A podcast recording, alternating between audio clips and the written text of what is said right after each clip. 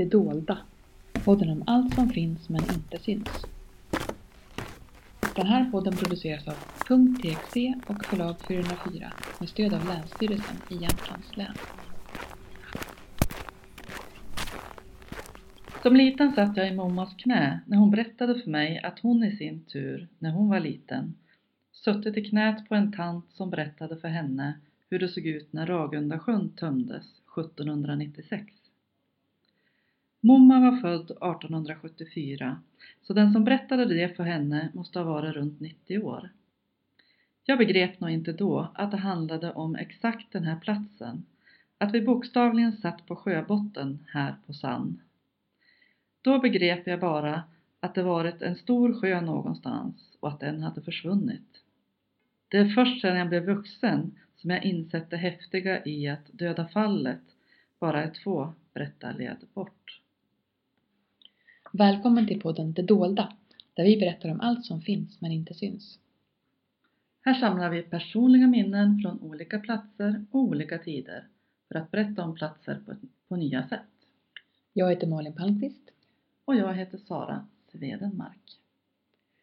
Det här minnet om Ragundasjön som försvann, det berättade Hans-Ola Berglund för oss när vi var ute och samlade in minnen i Ragunda. Han bor i Sann, eh, som ligger där det en gång var sjöbotten. Och jag tänker att det här minnet träffar så exakt in i vad det är vi vill försöka göra med Dolda landskapet och Dolda staden. Minnen av platser som, och hur de förändras och hur berättelserna förs vidare eller bara glöms bort. Ja, men det är ju sådana minnen som vi vill synliggöra helt enkelt. Vatten, det kan ju vara dramatiskt och farligt, men det kan ju också vara livgivande och ge ro. Och det här avsnittet så tänkte vi att vi skulle koncentrera oss just på vatten och, i olika former. Ja, och det blir både rofyllt och dramatiskt. Eh, vi har fått ett minne från Getsjön som ligger eh, väster om Koksta på gränsen mellan Åre och Krokoms kommun. Och det är från en stilla sommarkväll 2004. Getsjön 2004 Det var en sen, typiskt jämtländsk sommarkväll. Jag och min bästa vän stod bredvid varandra med flytvästarna på, redo att sätta oss i båten och åka ut på Getsjön. Myggen svävade runt i luften och fåglarna kvittrade, precis så som det ska vara en vanlig stillsam sommarkväll. Solen låg lågt ut vid horisonten. Sjön var helt stilla och spegelblank. Man kunde se tallar och granar spegla sig i vattnet. Varenda gren reflekterades i det spegelblanka vattnet. Det var så stillsamt, så stilla att hela jag blev avslappnad. Vi låg fram i fören och höll varandras händer samtidigt som vi hade våra lediga händer hängandes ner i vattnet. Där låg vi tillsammans, tittade upp i himlen på de fina molnen och fantiserade om vad de kunde föreställa. Vi var helt tysta. Det var som att tiden stod helt stilla just då. Det var som att det bara var vi där och ingen annan. Hon och jag. Personen som alltid stod vid min sida. Personen som alltid fick mig att le och skratta. Det var bara hon och jag och lugnet från den friska jämtländska naturen. Och det var Linn som hade skrivit det minnet. Vi har också fått ett annat vattenminne från Ås. Det är från sommaren 2012. Det var sommar, precis en sån sommar vi kommer att minnas när vi blir vuxna. Ända till vi får barn och till barnen får egna barn. Minnen som finns där att plocka fram oavsett vad livet gör mot en. För det var här vi lärde oss att använda våra sinnen. Skratta medan tårarna rann, våga känna, trösta varann och hur man är vänner. Och vi hade alltid hästarna. De var våra alldeles egna och våra stöttepelare, lekkamrater. Vi simmade med dem. Våra dagar fylldes med musik, doften av blommor, solvarma hästar i månskenet och av måltider lagade med sån vänskapskärlek jag aldrig sett förut. Vi sov på dagen och var vakna om nätterna, men vi brydde oss inte. Inte om något. Det var här vi lärde oss hur det ska kännas att leva. Något vi inte glömmer oavsett hur grått vårt hår blir. Mm. Ett annat minne som handlar om vatten, det är från just Vattviken. Okej. Eh, Mm. Det är från 60, 70 och 80-talet. Det här minnet heter Den mörkare delen av sjön. Om man tar sin lilla roddbåt som man hittar nere vid den gamla sågen i Vattviken och ger sig ut på sjön och ror till vänster kommer man till ett mörkt och torrt ställe. Det är djupt till botten av sjön där och höga klippor täckta med mossa och granskog utgör stranden. Inget badställe alltså. När man dessutom tänker på den där prästen som en gång drunknade där någonstans vill man bara ro vidare, fort, för att komma till ett vänligare ställe. Problemet med stränderna på den här sidan Hoverberget är att de inte är speciellt vänliga. De är fyllda med klippor och sten, det är skuggigt och man väntar hela tiden på att man ska gå på grund på en klippa som döljer sig under vattnet. Det finns dock bra solklippor där som man kan ligga hela dagarna på om man så vill. De där somrarna 82, 83 och 84 nyttjades de friskt av ett gäng tonåringar. Numera har man riggat upp en undervattenskamera vid en av holmarna precis utanför land för att försöka fånga storsjöodjuret på bild. Jag skulle rekommendera att man fotograferar inåt land istället. Mörkret, mossan, granarna, klipporna är värda vår uppmärksamhet. Går man från sjön uppåt kommer man så småningom till ett raserat sommarfjös. På vägen upp till fjöset passerar man ännu en klippa. En klippa som fick mig och mina bröder att förskräckt undra om det var där trollen i Tomtebobarnen bodde. I sommarfjöset hade mina morföräldrar sina kor på sommaren. Eller rättare sagt, de vandrade i skogen som omgav fjöset och blev mjölkade av gårdsfolket morgon och kväll. En gång lär de ha mjölkats av unga män och kvinnor iförda danskläder som tidigt på morgonen bestämt sig för att hjälpa sin vän när de kom hem från, om det nu var Fröjdholmen eller Galhammarudden. Men mitt speciella minne från Änga, som den här skogsbiten runt sommarfjöset heter, har egentligen inte med sommar och båtfärder att göra. Det var när min morbror tog med mig och min bror dit bort och gjorde en saga. Han fotograferade oss och en del små tomtar som han plockat ur jullådan där hemma. Han satte in bilderna i ett album och skrev texter till. Det kändes betydelsefullt. Jag tror det var på vintern vi gjorde det här och jag är rätt säker på att det avslutades med att en man kom körande med en häst som drog några stockar. Sånt kunde man ännu på 70-talet bli vittne till. Eller skrev han inte text? Kanske det bara var sånt som fanns i hans huvud. Och det är Anna Salomonsson som har lämnat det minnet. Jag tänk, kommer att tänka på en sak nu eh, som också kopplar till förra avsnittet där vi pratade om dofter och smaker. Mm. Det är det här med att bada i en insjö. Den doften som man känner av insjön. Eh, ju på ett annat sätt liksom. Ja, det är sant. Eh, och det, den är så självklar för mig. Jag har liksom badat i insjöar hela uppväxten. Så. Men när jag var i eh, USA som tonåring Mm. så badade vi i en stor insjö, eller var kanske en damm vid Las Vegas. Mm. Eh, ja, i öknen där. Mm. Ehm, och då kände jag doften av sötvatten, hur det luktar. Alltså det, för det var så oväntat på en sån plats ute i öknen.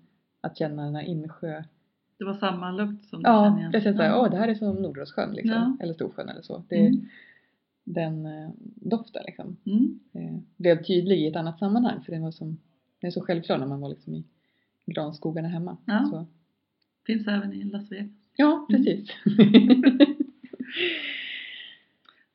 Att växa upp nära vatten det kan ju vara riskfullt också, särskilt om man är barn. Och vi har flera minnen som berättar om just sådana här situationer när man har ramlat i vattnet och varit nära att drunkna.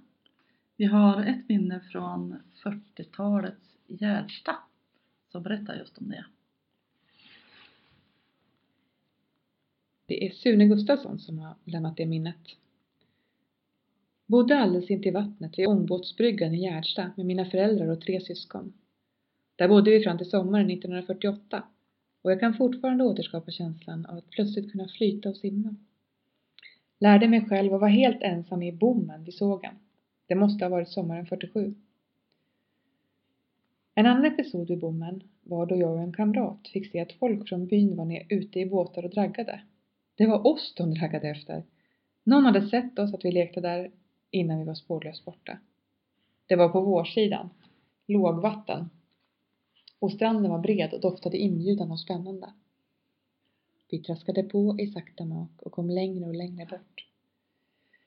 Vi vände vid färjelägret vid Håkansta och att timmarna gått fortare än vi, det var då inget vi hade någon tanke på. Mamma var naturligtvis helt förtvivlad och kunde inte vara där och se om de fick upp oss. Så hon fanns inte på plats då vi, glada i hågen, kom dit. Pappa däremot, han var med och draggade. Han kom emot oss, men jag minns inte säkert nu om vi fick en kram eller en hurring. Förmodligen en riktig utskällning. Då mamma pratade om det här långt senare så kom känslorna över henne lika starkt som då. En annan händelse vid sjön var då syster Ulla och jag gav oss ut en spark på spegelblank nybelagd is. Det blåste frisk nordvästen, så det gjorde det hela bara härligare. Vi kunde med nöd och näppe få stopp. Vi hade ju kunnat hamnat i färjerännan, Håkansta Norderön. Och vi kunde ju absolut inte ta oss tillbaka. Vi blev hämtade i land, så det hela slutade lyckligt. Jag har också ett annat minne som är från Kluk 1985.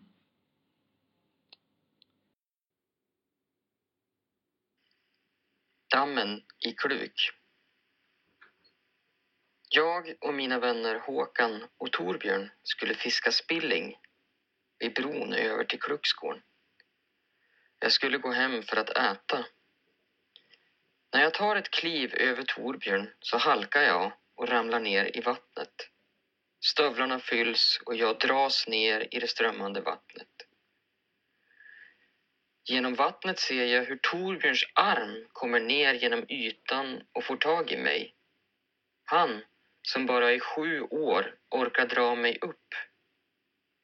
Annars vet man aldrig hur det hade gått. Dyblöt går jag hem. Minns inte ens om mina föräldrar blev arga. Men jag fick ett minne för livet. Och det var Martin Johansson själv som läste det minnet. Ja, jag tänkte på någonting som är tydligt när vi i våra minnen så är det också hur vattnet också är en färdväg. Ännu för, mer förr då med ångbåtarna som kommer in från olika ställen i Storsjön till Östersund och blir det också en färdväg mellan, mellan platser längs sjön och så. Men det är fortfarande så är ju isvägarna är ju en, en de kortar ju fortfarande avstånden dramatiskt vintertid.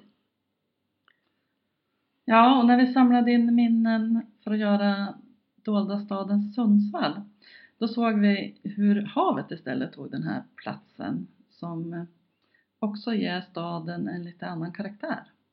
Här kommer det båtar från hela världen. Ett minne som jag tänker på där det är hur en sjöman kommer hem till ett Sundsvall i neon.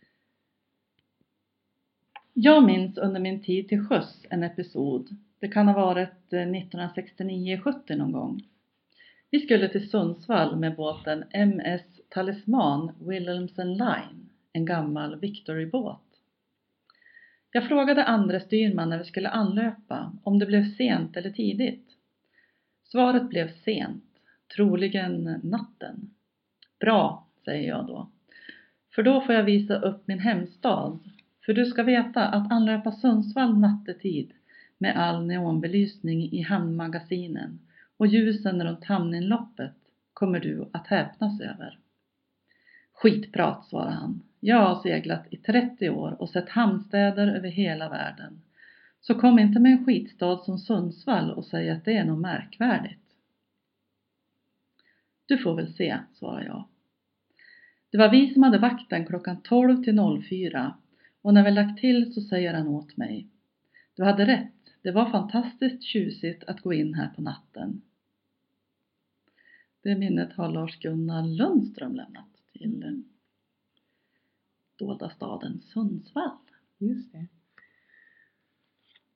Ja, nu har vi rört oss genom sjöar som inte längre finns, lugna vatten och dramatiska drunkningar. Från insjöar och älvar ner till havet. Vi tänkte att vi skulle avsluta med att åka upp i fjällvärlden igen till en plats som inte längre finns faktiskt. Stora Stensjön som nu ligger under vatten. Året är 1955. Två familjer på totalt nio personer samlas i Jänsmäsholmen. Vi ligger över i den lilla samestugan Gråbo som är den ena kvinnans föräldrahem. Sällskapet ska gå den långa vägen till Stora Stensjön där två av kvinnans bröder och föräldrar bor med sina familjer på sommarvistet. Efter en dags vandring ligger vi över i en kåta vid Långvattnet. Där hämtas sällskapet upp med motorbåt och vägen att gå blir betydligt kortare. Kvinnan, född same, har med sina två yngsta döttrar, två och fyra år, den tioåriga sonen och maken. Vår familj består av mor och far, jag elva år och min bror nio år. Väl framme i Stensjön får vi installera oss i ömsom kåtor och ömsom nybyggda baracker. Nu följer två spännande veckor. Fiske både i bäck och sjö. Renskiljning, rökning av både fisk och kött. Leka med de uppfinningsrika samebarnen som är jämnåriga med oss. Studera spökets flygplan med jämna mellanrum. När det landar vid samevistet. Det pågår mätningar för att så småningom höja vattenståndet och bilda ett vattenmagasin. Det lilla sommarvistet med kåtor och baracker kommer att läggas under vatten.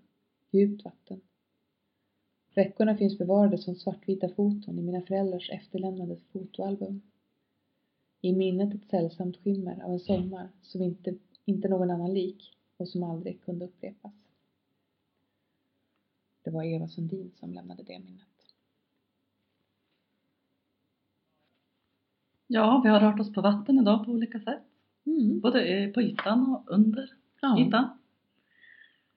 Vad tänker du på när du tänker på vatten? Ja, men jag tänker gärna på bad. Jag gillar ju att bada. Både Mm. i hav och sjöar. Vad gillar du mest då? Svårt att säga, men vi, i, där jag bor så har vi en sjö som vi kallar för ett innanhav faktiskt. Det är så Jaha. otroligt härligt vatten. Ah, är det varmt alltså? Eller? Det är så klart och Mm. mycket vacker utsikt också. Ja. Vad heter den sjön då? Gärdesjön. Okej. Ja, men då får vi tacka för oss idag. Tack ska ni ha. Hej då! Hej då! Du har lyssnat på podden Det dolda, om allt som finns men inte syns. Om du själv vill lämna ett minne till oss eller läsa eller lyssna på fler minnen kan du gå in på dendoldastaden.se eller detdoldalandskapet.se. Där hittar du också kontaktuppgifter till oss. Podden Det dolda produceras av .txt och förlag 404 med stöd av Länsstyrelsen i Jämtlands län.